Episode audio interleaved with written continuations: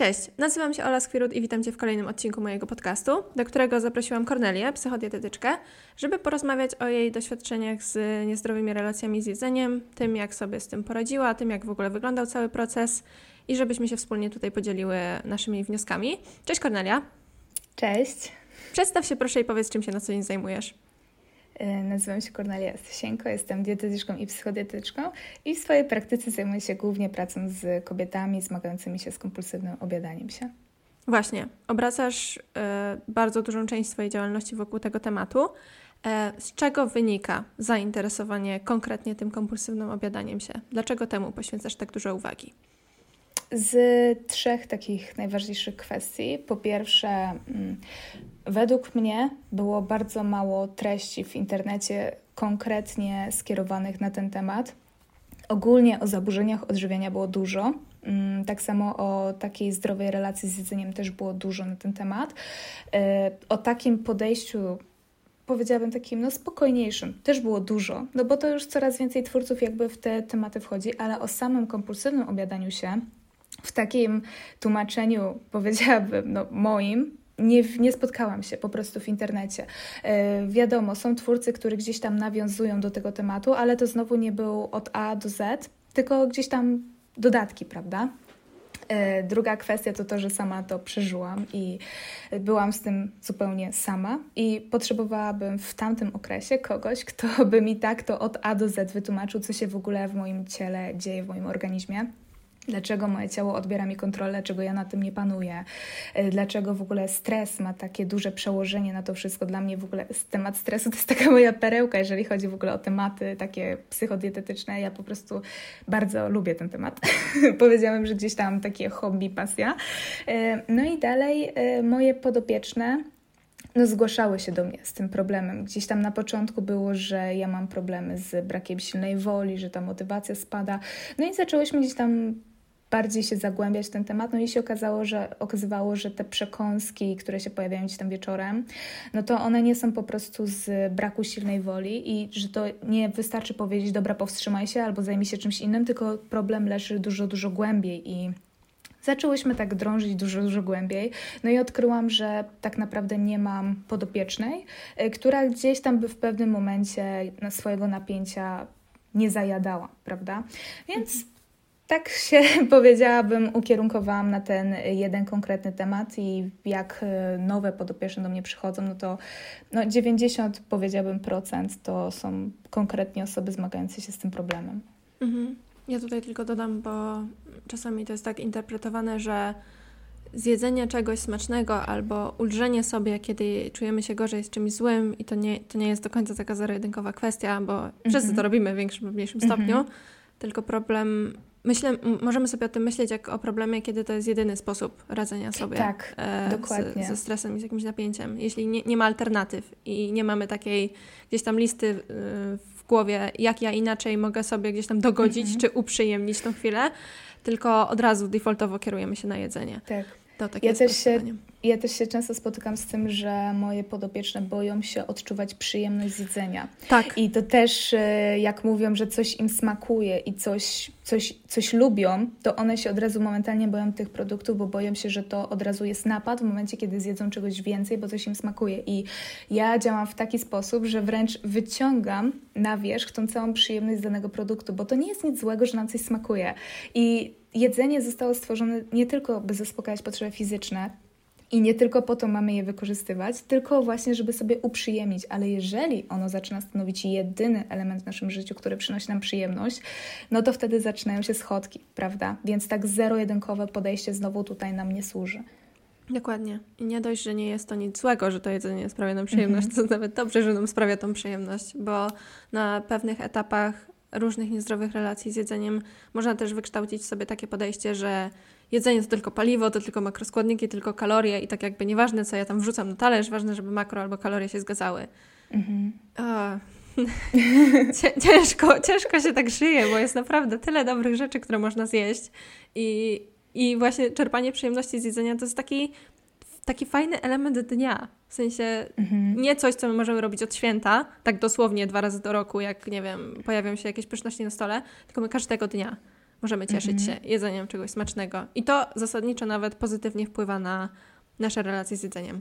Mhm. Nawet ta poranna kawka, prawda, czy herbatka wypijana w ciepełku, to jest ten element dnia, który sprawia nam przyjemność i też przyjemność umacnia taką naszą rutynę codzienną, prawda, wykształcanie nawyków, bo jeżeli kawa by nam z rana nie smakowała, no to uwierzcie, nie, pi nie pilibyście jej co rano, prawda? Tak, tak, to jest bardzo ważne. I powiedziałaś, że właśnie jednym z przyczyn, jedną z przyczyn, dla których zaczęłaś tworzyć treści związane z kompulsywnym obiadaniem się, były Twoje własne gdzieś tam zmagania z tym tematem. Mhm. Jak to u Ciebie wyglądało? Czy zechciałabyś opowiedzieć tą historię? Tak, y, jak najbardziej. Powiem Ci, że y, ja swój podcast nagrywam, ale tutaj u Ciebie na odcinku pierwszy raz poruszam temat, jak to wyglądało u mnie. Tak od razu o. Ci powiem. No, więc jeszcze u siebie nie doszłam do tego. Y, I tak, u mnie to ja się zmagałam z kompulsywnym obiadaniem się na przestrzeni mojego gimnazjum, liceum, czyli to było jakieś dobre 12 lat temu. I ja absolutnie nie wiedziałam, że to jest coś nie tak. E, gdzieś tam wiadomo, mówiło, mówiło się wtedy o zaburzeniach odżywiania pod kątem albo anoreksja, albo bulimia. No i na anoreksję nie pasował mój wygląd, więc od razu skreślałam. No tutaj poszłam zero-jedynkowo, no ale tak się dawniej myślało, prawda, że anoreksja nie jest w głowie, tylko anoreksja jest, że tak powiem, w wyglądzie. Więc tutaj od razu się skreślałam, nie, na pewno nie to. Dalej, bulimia. Ja mówiłam, no też nie pasuje, no bo nie ma jakby tego głównego czynnika, prawda? Y, więc y, myślałam, że ja jestem zupełnie zdrowa na, pod kątem też relacji z jedzeniem i że po prostu, no tak jak większość też moich dziewczyn, jak do mnie przychodzi, myślałam, że moja silna wola po prostu jej nie ma. Tak, że ja jestem za słaba, że to ze mną jest problem, że ja się nie potrafię powstrzymać.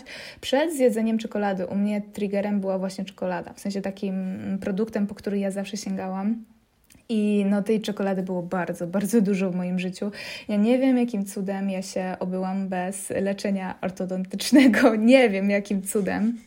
To bo naprawdę tej, tej czekolady było tak dużo w moim życiu, a ja mam zęby zdrowe i zero w ogóle problemów. Jeszcze odpukaj, że nie stać mnie na leczenie ortodontyczne teraz. no więc. Yy u mnie zaczęło się tak naprawdę od tego, że moja mama była, jak, ja sobie to teraz, jako już psychodietetyczka, rozbiłam to na czynniki pierwsze, to musimy zauważyć, że jakby wyróżniamy dwa rodzaje czynników. Takie czynniki, yy, wiadomo, biologiczne, genetyczne, środowiskowe itd.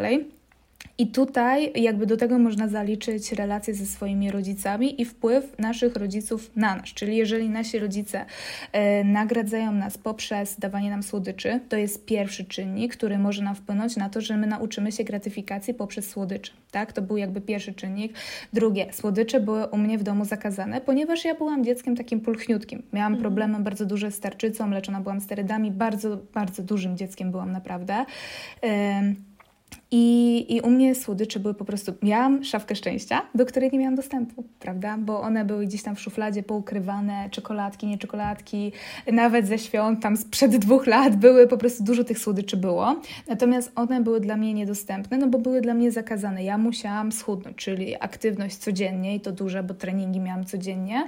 E, I do tego wiadomo, szkoła, jakieś takie rzeczy domowe, fajnie by było, jak jeszcze poćwiczyłam, mama mnie zawsze wtedy chwaliła ale słodycze, no, no, no, nie wolno, prawda? Natomiast jeżeli coś mi się udało, no to gdzieś tam mogłam sobie wybrać czekoladkę. No, słyszycie już, jak to brzmi potwornie z jednej strony, prawda? Natomiast, co warto podkreślić, ja nie obwiniam swojej mamy za to, bo ja wiem, że ona chciała być dla mnie najlepiej po prostu. Ona zawsze była całe życie szczuplutka i ona nie wiedziała, jak sobie w takim myślę, w takiej relacji poradzić, kiedy dziecko jest większe, należy je troszeczkę odchudzić, no bo tak też zalecali lekarze.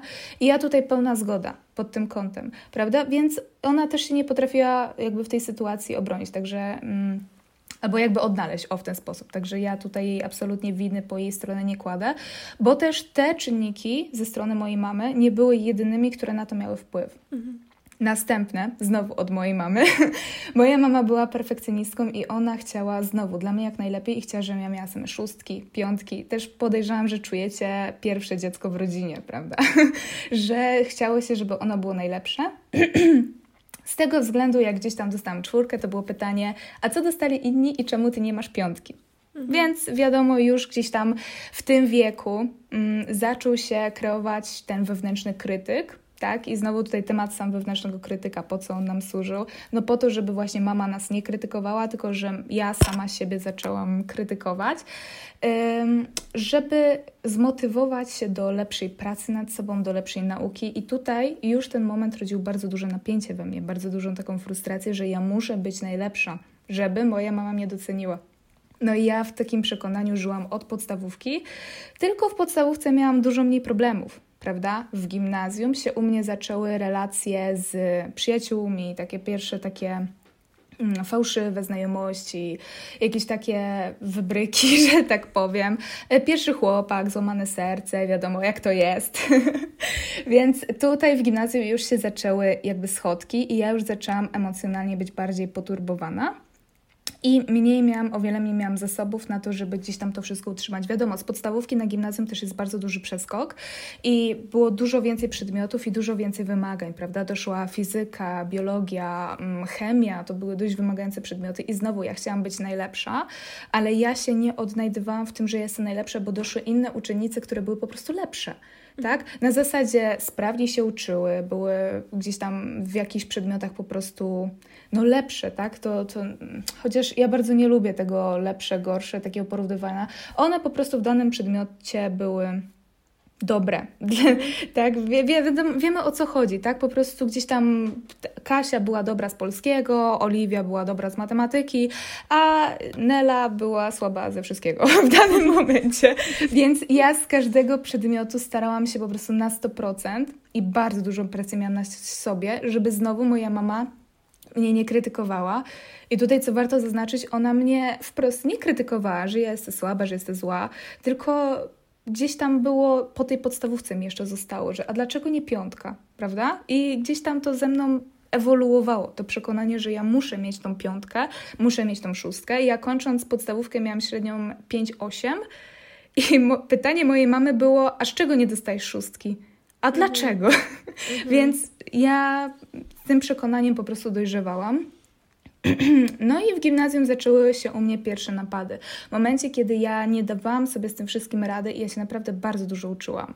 E, doszło jakieś tam przezwiska w moją stronę, o kujon albo coś, albo że a dlaczego ty się tak przejmujesz tym wszystkim. Pamiętam moment, kiedy ja dostałam z chemii jedynkę, gdzie z chemii byłam naprawdę dobra w gimnazjum i dostałam jedynkę i ja się popłakałam na środku korytarza. I ja się opanować nie byłam w stanie. I ja pamiętam, ja chyba wtedy poszłam po prostu do domu i i, i, i, i po czekoladę. to był ten moment taki bardzo mocny, kiedy pierwszy raz napad nie był w wieczorem, w nocy, bo zazwyczaj właśnie w tych porach napady mnie dopadały, tylko był w środku dnia. Pierwszy i nie pamiętam, czy więcej się zdarzyło, no bo tak jak mówię, to było 12 lat temu, Ciężko sobie to wszystko przypomnieć, ale i tak już zobaczę, jaki to mocny ślad na mózgu dziecka jakby umocnił, że ja to w wieku 20 parę lat dalej pamiętam dokładnie to, co ja czułam wtedy. I jak było to ciężkie, żeby w ogóle powiedzieć mamie po pierwsze, że dostałam jedynkę, a po drugie, że uciekłam ze szkoły. No i po trzecie, że ta czekolada, którą miała zanieść do pracy dla kogoś tam, że jej nie ma. No sorry, mamo. Tak. Też y, co ważne, moi rodzice wiedzieli, że jest ten problem z czekoladą, tylko nie wiedzieli o nim tak od razu.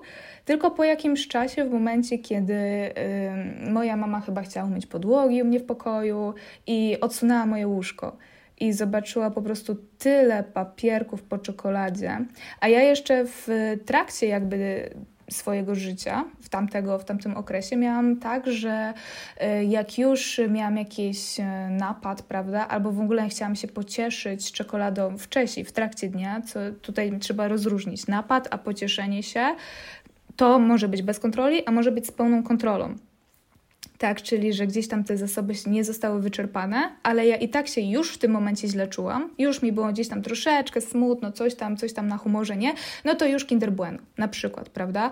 A jak same napady dochodziły, no to było to bez, zupełnie bez mojej kontroli. Ja nie, nie, nie potrafiłam jakby mm, kontrolować swojego ciała, tylko on sam wybierał, co chciał wziąć.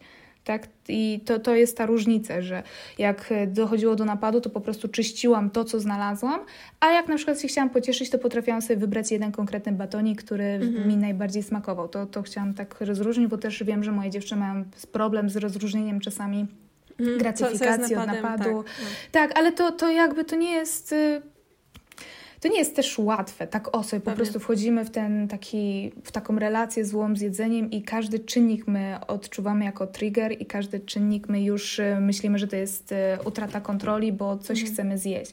Gratyfikacja, takie impulsy, które się pojawiają, one są bardzo intensywne i nasz mózg nam tak głośno woła, że zjedz to w tym momencie, teraz, tu i teraz, no, że faktycznie można to pomylić. Ja tutaj, wiesz, nikogo, nikogo też nie obwiniam, że nie potrafi Pewnie. tego rozróżnić, no bo to jest po prostu ciężkie. Pewnie. Zwłaszcza jeżeli ktoś zostaje z tym po prostu sam, prawda? Tak. tak. A to osamotnienie to jest taki dość y, mocny czynnik charakteryzujący, wydaje mi się, osoby z niezdrowymi relacjami z jedzeniem. W sensie, że łatwo mhm. o takie poczucie, że jest się z tym samej na świecie. Mhm. Że nikt poza nami tak nie ma, tylko my. Y, opowiadałaś o tym kompulsywnym obiadaniu się i wynikało z tego, że, to, że ono się pojawiło w gimnazjum, tak? Gdzieś początek gimnazjum. Czy to były tak jakby jedyne problemy z niezdrowymi relacjami z jedzeniem, czy, czy miałaś wcześniej jakieś takie właśnie perypetie ze zbyt restrykcyjnymi dietami albo czymś w tym stylu? Mhm. U mnie się to zaczęło, tak jak mówiłaś, właśnie idealnie w środku gimnazjum w drugiej klasie, bo wtedy doszło mi tak naprawdę najwięcej takich przedmiotów ścisłych, z których ja nie byłam zbyt dobra i musiałam naprawdę bardzo się starać, żeby nie tylko nadążyć za resztą, ale po prostu, żeby być znowu tą taką po prostu w czołówce, prawda, że gdzieś tam u mnie w ogóle, mm, jak ja później dosz, dochodziłam do tego, dlaczego ja się tak starałam o to, to doszłam do wniosku, że to nie tylko kwestia mojej mamy, która była perfekcjonistką, ale też ja zawsze byłam dzieckiem po prostu dużym, tak? Y, byłam na tyle duża, że gdzieś tam tego zainteresowania nie było. Też byłam takim samotnikiem, nie zawsze miałam e, dużo przyjaciół. Raczej byłam taka jedna przyjaciółka przez całą podstawówkę. Potem my się rozmyłyśmy, więc mi było bardzo ciężko w gimnazjum się odnaleźć, żeby znaleźć nowych jakby znaj znajomych, przyjaciół. E, no ja też nie, nie byłam dobra jakby w znajdowaniu takich ludzi. Y, z tego względu, że ja w podstawówce mieszkałam w jednym mieście, dojeżdżałam do drugiego do szkoły. No i też nie miałam obok siebie jakby za dużo też znajomych. Miałam tam tylko jedną koleżankę, e, sąsiadkę, prawda? No i ja doszłam do wniosku, że po prostu moja mm, nauka, to jeżeli ja byłam w czymś dobra, to mnie ludzie by postrzegali od razu jako osobę inteligentną, więc wartą znajomości. I mi na tym też zależało. Więc kwestia tego, że moja mama mnie pochwali, to była jedna kwestia, coraz mniej znacząca na przestrzeni lat, ale ta druga, że ludzie będą mnie postrzegać jako osobę gdzieś tam wartą rozmowy na przykład, była dla mnie też bardzo duża i nie chciałam, żeby mnie nikt postrzegał przez pryzmat mojej wagi, tylko przez pryzmat mojej inteligencji albo mojej wiedzy. Dlatego tak bardzo chciałam być e, najlepsza, no bo chciałam być z tym kojarzona. To był też taki bardzo mocny wniosek, który mi się nasunął tam na przestrzeni lat. E, niedawno do niego dotarłam, nie wiem, na przestrzeni, nie wiem, roku, że tak też mogło być. Ale to wiadomo, im się więcej czyta, im się więcej człowiek uczy, tym więcej e, jakby te słuchawki potrafi rozplątać, prawda? Ja zawsze lubię tłumaczyć e, swoim dziewczynom, że e, kompulsywne obiadanie się, ogólnie zaburzenia odżywiania to są jak takie poplątane słuchawki w tylnej kieszeni, że w momencie jak je wyciągamy, no to jak zaczniemy ciągnąć z każdej strony, to te supełki się coraz bardziej zaczną zaciskać i będzie coraz trudniej je rozplątać, a jak zaczniemy z jednego końca powoli, to te słuchawki same się zaczną rozplątywać w pewnym momencie i będzie coraz mhm. łatwiej, tak? Więc y, też jest taki, ja lubię bardzo anegdotki, takie różne przykłady wzrokowe. I czy to się, czy u mnie zaburzona relacja z jedzeniem była wcześniej? Tak, była. Już od dzieciństwa wiedziałam, że słodycze są nielegalne, zakazane i absolutnie ich nie mogę, bo od nich tyję. Tak samo, tak samo w pewnym momencie mój tato zwrócił mi uwagę na to, że y, jeżeli ja chcę schudnąć, to powinnam przestać jeść mięso. Dobra, trochę zdrowotnie wyszło na plus, no bo przeszłam na wegetarianizm, e, potem przeszłam na weganizm, na, miałam takie swoje epizody, doprowadziłam się do anemii, dobra, nieważne, ale, ale gdzieś tam mi to też utkwiło, że mięso nie jest zbyt okej, okay, jeżeli chcemy schudnąć i faktycznie przestałam jeść mięso i w tamtym okresie, te 12 lat temu, uwierzcie mi, znalezienia, znalezienie mleka sojowego graniczyło z cudem, więc... Yy, no nie była to dieta zbyt e, wartościowa i czy schudłam? Tak, schudłam, bo nie miałam co jeść, po mhm. prostu, prawda? Tak to, tak to się ograniczyło, że jak na obiad były schabowe i ziemniaczki e, z surówką, no to jadłam tylko ziemniaczki z surówkę, prawda? Pewnie mm. kojarzycie obraz polskiego wesela mm -hmm. i weganie na polskim tak. weselu, że jedzą tylko surówkę i ziemniaki, więc tak wyglądało większość moich obiadów, więc chcąc nie chcąc gdzieś tam zredukowałam trochę. E, I żeby, żeby tak sobie to zobrazować, ja w gimnazjum ważyłam prawie 100 kilo. To może Wam dać też obraz tego, jak bardzo mi zależało na tym, żeby ludzie dostrzegli coś innego niż moją mhm. wagę bo to też, to też bardzo zaznaczyć, że ja nie byłam taką, taka normalnej postury i się zmagałam z tymi problemami, tylko faktycznie gdzieś tam ta waga była bardzo duża. No i nie chciałam być absolutnie postrzegana przez pryzmat tej wagi. Chociaż absolutnie nie umniejszam, wiadomo, osobom z mniejszą wagą, które też się z tym zmagają, bo to, to, to tak jak mówię, zaburzenia odżywienia są w głowie, a nie jakby mhm. przez ciało, prawda? To też jest ważne do podkreślenia. I też jestem w stanie sobie wyobrazić, że w momencie, kiedy nie wyglądasz jak przeciętna gimnazjalistka, nie masz właśnie tej przeciętnej postury, to, to jest to trudne i że, że jest taka potrzeba wewnętrzna udowodnienia czegoś i pokazania, że jest się kimś więcej tak. niż tym opakowaniem, tak bardzo yy, to prostując. Mhm. Czy wiedziałaś, z czym się mierzysz w trakcie tego? Czyli czy wiedziałaś, że to jest takie zaburzenie, że można to nazwać kompulsywnym obiadaniem się, kiedy te napady się pojawiały, czy nie? Nie. Absolutnie okay. nie. W ogóle ja nie wiedziałam, że coś takiego istnieje. Tak jak wcześniej też mówiłam, e, dawniej, chociaż teraz też zdarzają takie osoby, które w ogóle nie wiedzą nic, że istnieje takie coś, albo zespół jedzenia nocnego, też się z tym spotykam, że, że po prostu ludzie dalej nie wiedzą o takich rzeczach. Ale to, to jakby nie jest nic złego, bo to jakby leży po stronie w ogóle tak, edukacji tak, tak. w Polsce, że, że, że, że tak samo jak są różnego rodzaju, wiadomo, nie jest tylko depresja, ale też różne inne, e, wiadomo, na, na tle psychicznym. No i ja absolutnie nie wiedziałam i ja się gdzieś tam później, jak ja z tego wyszłam już e, całkiem, całkiem, to ja gdzieś tam dopiero zaczęłam później łączyć wątki, co, mm. z czym i tak dalej. Chyba dopiero jak zaczęłam być przed psychodietetyką albo w trakcie. Nie, w trakcie chyba nie, chyba przed. To był ten moment, że... Okay. Mhm. Że gdzieś tam zaczęłam łączyć kropki o w ten sposób, prawda? Okej. Okay. A pamiętasz, jak wyglądały u ciebie napady, tak żeby to zwizualizować, bo właśnie czasami jest tak, że pracujemy z kimś, kto uważa, że zjedzenie batona to jest na przykład napad i okej, okay, subiektywnie to może mhm. być ta utrata kontroli i tak dalej, natomiast jak, jak ten problem wygląda u Ciebie? Mhm. U mnie można było rozróżnić e, dwa rodzaje napadów. Pierwsze to były planowane napady i ich było najwięcej, e, a drugie to były takie niespodziewane. I tak jak wtedy dostałam tą jedynkę z chemii, to to był napad niespodziewany, kiedy ja po prostu się ubrałam, wyszłam ze szkoły, poszłam do domu i zjadłam czekoladę i ja nie kontrolowałam wtedy, co ja robię. Ja po prostu byłam w takim amoku, że ja nie wiedziałam. Ja, ja i ucieczka że, że ze szkoły to mm, mm, w życiu. Ja byłam tym miłym kujonkiem, który się zawsze uczył i zawsze był grzeczny.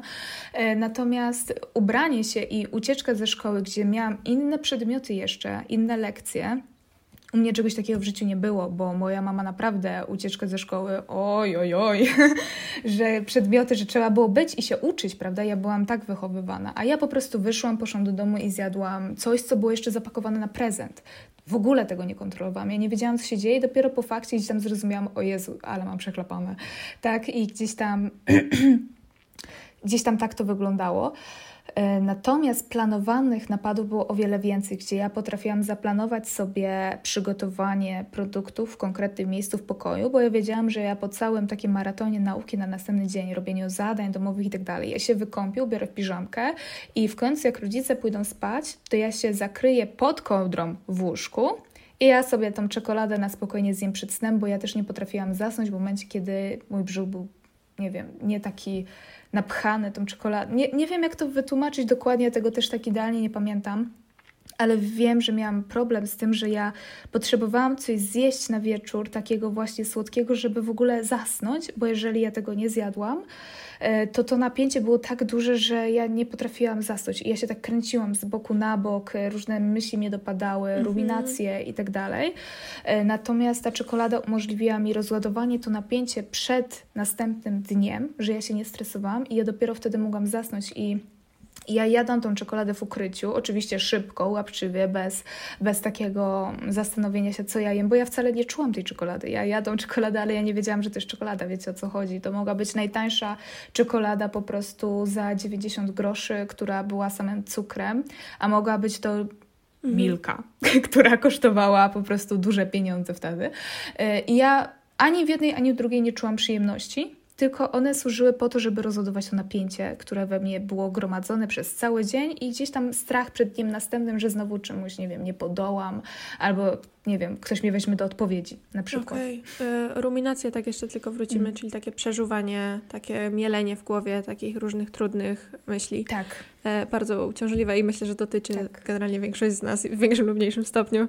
Tak. E, też z tym pracuję właśnie na swoich e, sesjach, bo bardzo dużo osób się z tym zmaga, tak samo z różnego rodzaju scenariuszami, planowaniem różnych scenariuszy w głowie, przez co też problemy jest zaśnięciem. Też przez to mhm. przechodziłam.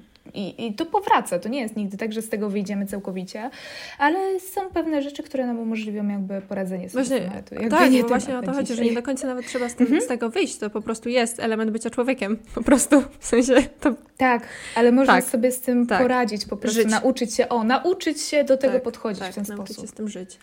Um, Ile pieniędzy wydawałaś wtedy na napady? Bo powiedziałaś właśnie, że Milka była takim produktem premium, ja pamiętam to doskonale, bo kwestia finansowa jest dość istotna, no bo kiedy jesteś, wiesz, nastolatką, która ma albo nie ma kieszonkowego, może sobie jakoś dorabia, może nie i, i wiesz, i wydawaj teraz te pieniądze na te słodycze, kiedy sobie zaplanujesz. Czasami mhm. może to być w domu i kwestia... Y jedzenia z tej, z tej szczęśliwej, zakazanej szafki, ale czasami to jest właśnie kwestia wycieczki do sklepu i mhm. kupienia sobie specjalnie czegoś. Jak to u Ciebie wyglądało finansowo? Mm, totalnie nie pamiętam. Ja, mi się wydaje, że ja nie byłam tą, tą osobą, która chodzi do sklepu, która kupuje sobie rzeczy, bo ja nie miałam kieszonkowego, ja nie miałam pieniędzy jako dziecko. Nie, nie dostawałam od mhm. rodziców, ja mogłam dostać, jak poprosiłam. O, moi rodzice byli z założenia tacy, że jak ja poproszę ich o pieniądze, to oni wezmą mnie do auta i po prostu pojadą ze mną kupić, co ja chcę, żebym ja tych pieniędzy na przykład nie miałam w ręku i tak dalej. Ja nie byłam z tych typów. Ja zresztą od zawsze byłam takim trochę skneruskiem i ja uwielbiałam gromadzić mhm. pieniądze, ale niekoniecznie ich wydawać, więc u mnie raczej była ta kwestia, że ja jadłam mm, z tej szafki szczęścia, a w momencie, kiedy, o, co chciałam też powiedzieć, w momencie, jak nie było słodyczy w szafce szczęścia, to przychodziło do jedzenia takich rzeczy starych które dalej były słodyczami, jakieś tam czekoladki po świętach sprzed dwóch lat, co w ogóle nie było już dobre, co było takie już białe, wiecie jak wygląda czekolada stara, taka sztuczna, białe, to było niedobre, mhm. jakieś takie drażdże, e, jakieś takie żelki stare też, które gdzieś tam w zakamarkach szafki były pochowane. E, a jak już nie było w ogóle słodyczy, tak zero, w ogóle zero, zero, to nie było dla mnie problemu, żeby sięgnąć po chleb tostowy, y, parówkę, ser i ketchup. I to też były produkty, które, którymi ja się zajadałam, albo na przykład pieczony ser w mikrofali. Kilka, kilka takich plasterków sera nałożonych na siebie, roztopionych i takie też produkty jadłam, bo, bo musicie wiedzieć, że napad, y, mm, mm, tu nie wybieracie sobie produktów gdzie macie, co, co wy wybierzecie, czy lepszy, czy, czy premium, czy, czy za 90 groszy, czy te parówki, prawda? Ja nawet nie lubiłam parówek. A jadłam je po prostu z chlebem tostowym, coś ala takie tost, to jest ala mm, hot dog robiłam, prawda? Ser, to, tost i, i parówka, i ser, i, i ketchup. I tego było tak... I takich kanapek ja potrafiłam zjeść, nie wiem, całe opakowanie parówek, więc... E, mhm. I ten wstyd, który mm. towarzyszył później, a co będzie, jeżeli mama znajdzie to opakowanie parówek, to mi, to, to wstyd to było emocja, która towarzyszyła mi cały czas. Cały czas, przez cały ten okres jakby zmagania się z tym, to gdzieś tam to, ten wstyd towarzyszył mi zawsze. I takie, ten wzrok mojej mamy, który nie, wiedz, nie wiedziała, co się dzieje. I nie potrafiła nawet zadać mm. mi pytania, dlaczego ja to zjadłam. Po prostu nie potrafiła, nie rozumiała tego. I ja widziałam w jej oczach to niezrozumienie, że co się z tą dzieje, prawda? A ja sama nie mhm. potrafiłam sobie na to odpowiedzieć, ale ten wzrok mnie tak przeszywał. No i no, wstyd, no po prostu wstyd. To mi towarzyszyło. Jak wyglądał dzień po napadzie u ciebie? Ja potrafiłam mieć napady codziennie, więc e, okay. u mnie dni wyglądały cały czas tak samo. No, to był tak intensywny okres w tym gimnazjum i moment, w którym ja właśnie najwięcej przytyłam do tych 90, do tych 98 e, kilo. Pamiętam, że 96 albo 98 to był moment przełomowy u mnie w życiu. Mm, skoro te napady wygląda wyglądały tak, że one się jakby działy każdego dnia, czy było tak, że jadłaś śniadania? Bo mówiłaś też, że napady działy się bardzo często wieczorami. I czy było tak, że następny dzień, kiedy wstawałaś, to jadłaś śniadanie? -hmm. Na przykład przed wyjściem do szkoły albo gdzieś na pierwszej? Nie jadłaś, okej. Okay. Nie, nie, w ogóle ja jestem okay. do teraz jestem typem nieśniadaniowym. Ja nigdy nie jadłam śniadań i do teraz nawet no, nagrywam o godzinie 11, dopiero kawkę pierwszą piję.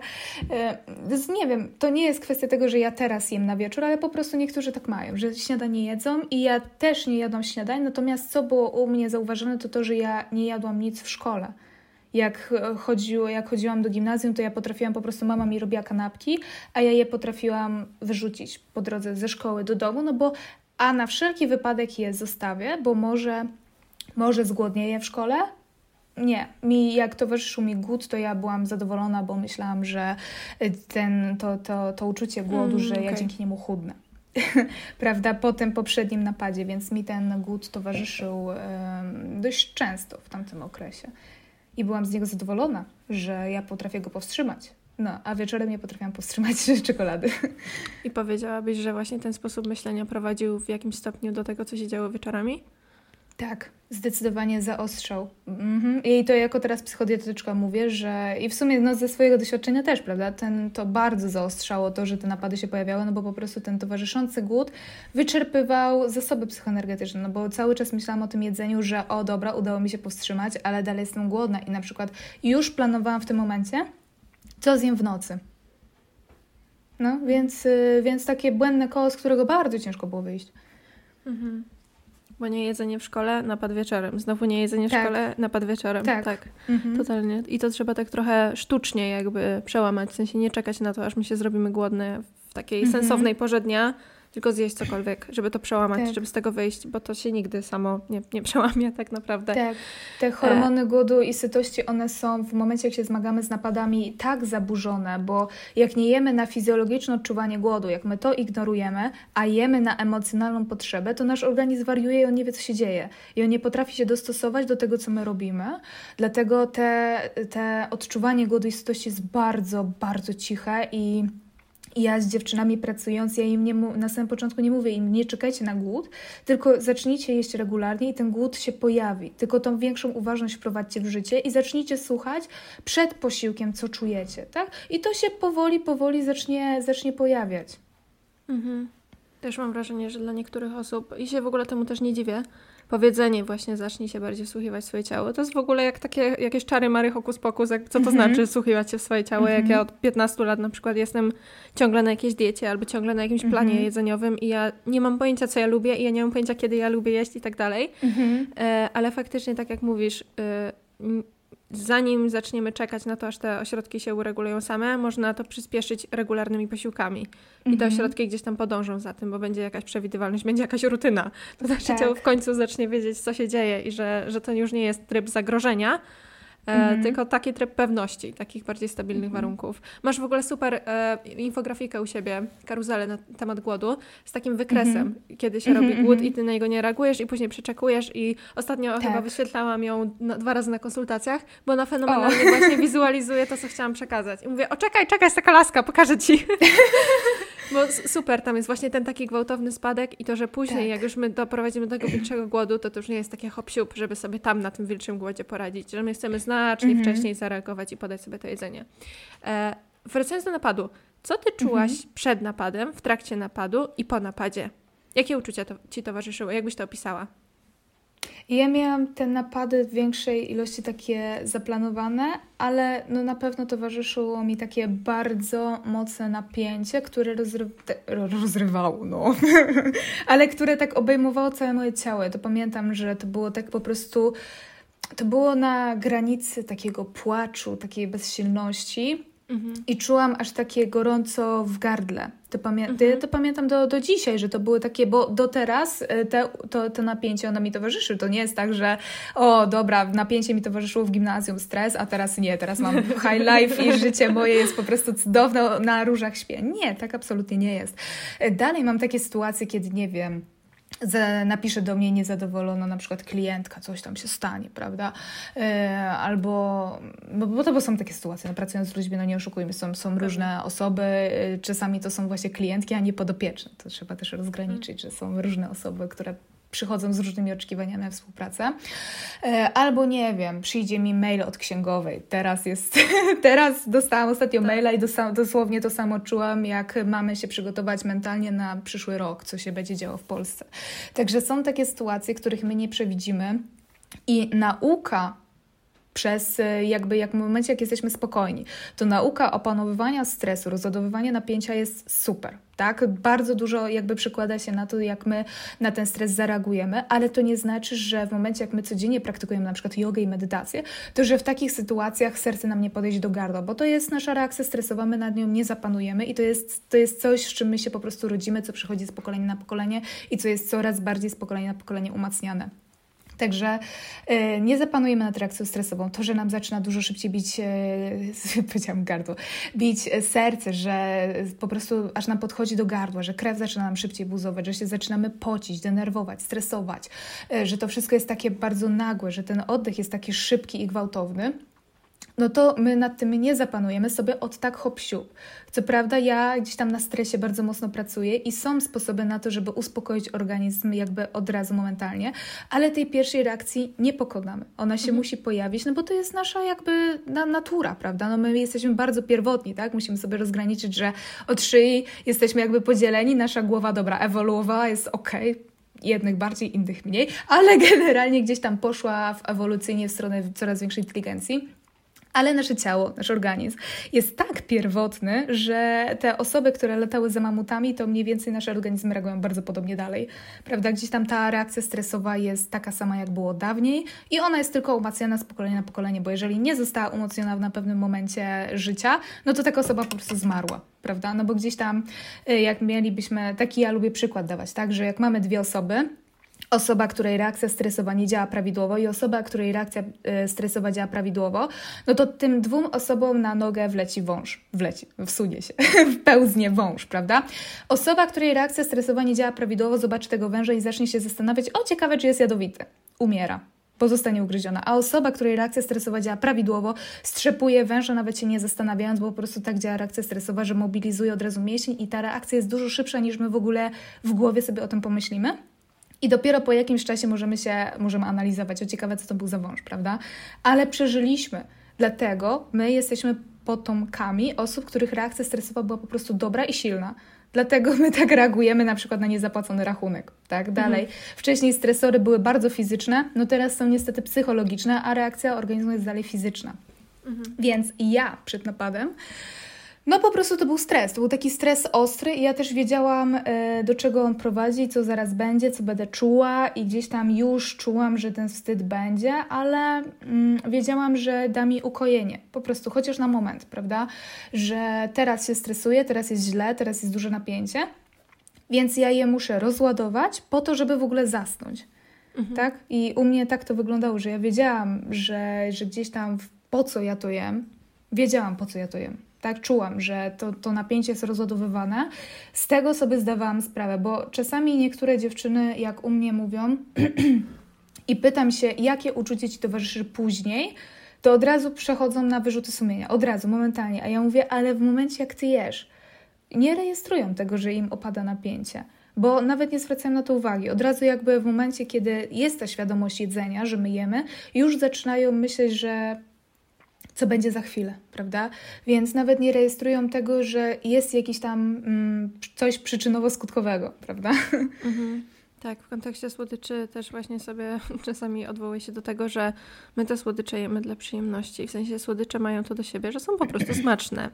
Mhm. I jeśli my będziemy myśleć, co będzie później i skupiać się tak mhm. jakby na um, oczekiwaniach wobec siebie, że ja zjem tylko na przykład kostkę czekolady i później od razu mhm. przeskoczymy do wyrzutów sumienia, bo zjadłyśmy dwa albo trzy paski albo tabliczkę, to my nie jesteśmy tu i teraz i my tak naprawdę tą czekoladę jemy po nic, bo nie jesteśmy w stanie nawet się nią pocieszyć, nacieszyć w trakcie.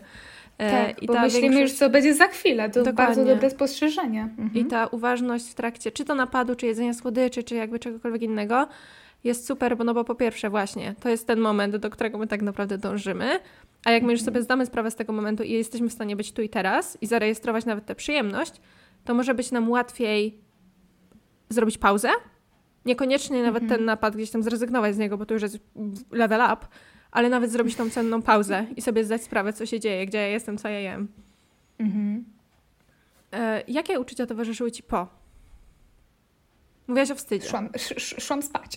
Generalnie umożliwiło mi to zaśnięcie w jakimś tam stopniu, ale pamiętam, że rano bolał mnie brzuch. To była mhm. taka norma dla mnie, że ja wstawałam i ja, mnie bolał brzuch, no bo wiadomo, jeżeli zjemy całą czekoladę, yy, no to skoczy nam cukier, ten sen nie jest zbyt dobrej jakości, ja też się przebudzałam w, w nocy, ja też miałam problemy ze stresem przewlekłym, no bo jeżeli codziennie się stresujecie, no to chcąc, no. nie chcąc, gdzieś tam ten kortyzol jest podwyższony, więc ja miałam problem z tym, żeby Kortyzol działa w taki sposób, że on jest takim hormonem trochę pobudzenia, więc on naturalnie u osób, które nie mają podwyższonego kortyzolu, obniża się wieczorami, podwyższa się melatonina po to, żeby móc zasnąć. W momencie, kiedy mamy podwyższony kortyzol, on nie ulega obniżeniu na wieczór, przez co bardzo trudno nam zasnąć. Dlatego ja używam czekolady jako coś, co mi umożliwi zaśnięcie, prawda? Następnie e, u osób gdzieś tam, gdzie ten kortyzol jest taki w normie, z rana on zostaje podwyższony naturalnie przez nasz organizm, żeby się wybudzić. U mnie tego nie było, więc mnie budzono po prostu dzwonami kościelnymi, że tak powiem. Było bardzo ciężko mnie dobudzić z rana. Podejrzewam, że gdzieś tam ten cukier, e, który się gdzieś tam uwalniał w nocy, też miał tutaj swoją zależność, no bo gdzieś tam ten organizm musiał sobie jakoś z tym cukrem poradzić. No i gdzieś tam nad ranem podejrzewam, że miałam zjazdy te cukrowe, więc też, też był problem. Ja nie wiem, jakim cudem ja wyszłam bez insulinooporności z tego okresu. Nie wiem. Mhm. W ogóle bez ortodonty, bez, bez, bez insulinooporności ciężko mi w ogóle wziąć to pod tak ogarnąć. No, no, no, tak. No. Mam, mam bardzo podobne przemyślenia. A co dla Ciebie było pomocne w wychodzeniu z napadów? Jak to u Ciebie w ogóle wyglądało? Jak ten proces się gdzieś tam łagodził? Co przyczyniało się do tego, że napadów pojawiało się z biegiem czasu coraz mniej, że były jakieś bardziej intensywne, no i że finalnie się uporałaś z tym? Ciężko mi odpowiedzieć na to pytanie, bo, bo nie wiem. Nie, nie, na pewno to nie były książki, na pewno to nie były podcasty, na pewno to nie była rozmowa, ponieważ tego po prostu nie było w moim życiu. Nie było miejsca na taką szczerą rozmowę z nikim o takich moich problemach. E, nie było. Myślę, że największą rolę odegrała wtedy moja przyjaciółka, e, która stanowiła jakiś taki element mojego pocieszenia w życiu. Ja naprawdę byłam w niej tak zakochana, jako w osobie, prawda, że e, gdzieś tam to takie miłe, czułe uczucie, które mi towarzyszyło względem niej, myślę, że bardzo dużo mi dało, żeby gdzieś tam to ukojenie znaleźć i rozładowywać to napięcie poprzez relacje właśnie z nią.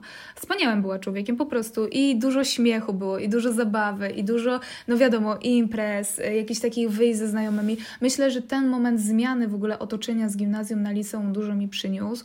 Odcięcie się, też taki bunt y, w związku z ocenami, że ja przestałam się aż tak uczyć, y, przestałam tak na siebie nakładać takie duże napięcie. Ja się tak buntowałam mojej mamie mówiąc, że ona nie ma racji, ja nie będę jej taką księżniczką wymarzoną.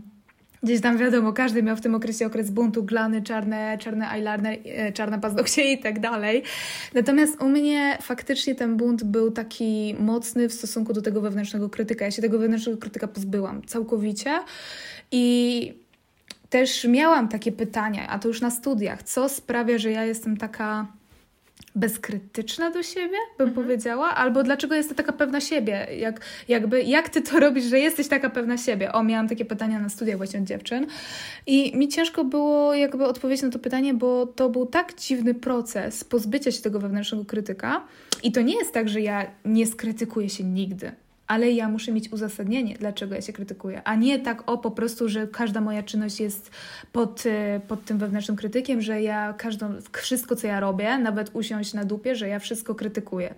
Nie, ja musiałam mieć podstawę do takiej krytyki i ona musiała być uzasadniona, tak? Dlatego y, właśnie często było tak, że skąd ty jesteś taka pewna siebie? No, no nie wiem, do życia. Jakby... I no, moja mama, która była tak bardzo krytyczna, właśnie mocno wpłynęła na to, że ja teraz jestem taka. Pewniejsza jakby tego, co, co, co mówię trochę w ten sposób. To nie jest tak, że ja jestem bez, bez zawahania, ja tak wszystko, ja to opieram, ale jak już mam podparte coś na przykład z wiedzą, podparte coś książką i tak dalej, to już nie mam aż tak dużego problemu z mówieniem o czymś, jak miałam na przykład dawniej, że pomimo tego, że ja miałam czarno na białym powiedziane, że A jest A, to ja mhm. i tak miałam takie, a jak ktoś powie, że jednak nie, Rozumiem, rozumiem. To niech ta osoba mi udowodni, dlaczego nie. Więc w ten sposób się to trochę przerodziło, więc y, U mnie proces był długi, bo po pierwsze pożegnanie się z toksycznymi relacjami, z toksycznym, wtedy byłem chłopakiem, e, który powodował, że moje e, podejście do siebie, moja własna, nie, nie własna wola, moja, mm, jak to się mówi, mm, o siebie, moje mniemanie o sobie, no, tak. moja, wa moja wartość siebie, o w ten sposób była uzależniona od tego, co on powie, to z tym trzeba było sobie uporządkować to, żeby moja wartość była uzależniona ode mnie, a nie mhm. od kogoś. To było, to było ważne. Tak samo pożegnanie się z tym, żeby moja wartość była uzależniona też od opinii mojej mamy. Mhm. I od znajomych, to też było ważne, mhm. żeby sobie to przepracować. Kolejny etap pożegnanie się z tym wewnętrznym krytykiem po prostu był, nie ma. To też nie było z dnia na dzień. Wiadomo, mhm. że to, to jest długi proces. E, kolejne, mm, nieuzależnienie swojej wartości siebie od wyników w nauce oj, tu popłynęłam, ta dwuja z niemieckiego na zawsze w moim sercu, ale to było potrzebne. To było potrzebne w całym tym procesie, żeby nie na 100%, nawet nie na 90%, na tyle procent, ile jestem w stanie wtedy dać. Mhm. I ja pamiętam, że ja wtedy moja mama jakoś coś, coś, coś jej mignęło w głowie, coś jej się przestawiło i miała takie, dobra, skupiasz się na biologii, chcesz iść na biologię, chcesz iść na jakieś takie profile na studia biologiczne, to idź w tą biologię. Dobra, ten niemiecki, no dobra, dwuja przeżyje, tak? Moja mama też to przeżywała strasznie, no przeżyje jakoś tą dwuję z niemieckiego. Mhm. E, no i zaczęło się inne wsparcie ze strony mojej mamy.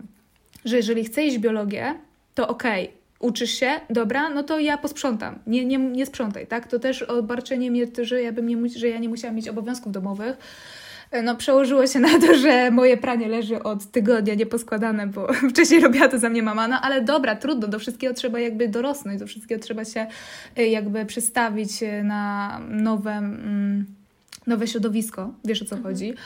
E, więc e, tu było dużo, no to, że ja wtedy poznałam w liceum swojego aktualnego już narzeczonego, gdzieś tam podsłuchuję, co widzę co chwilę, że gdzieś tam zagląda i słucha, e, ale to, że ja go poznałam i on mi dał bardzo dużo wsparcia, dużo to dało. Ta przyjaciółka moja, która, z którą właśnie w liceum bardziej się tak zżyłyśmy, to bardzo dużo dało.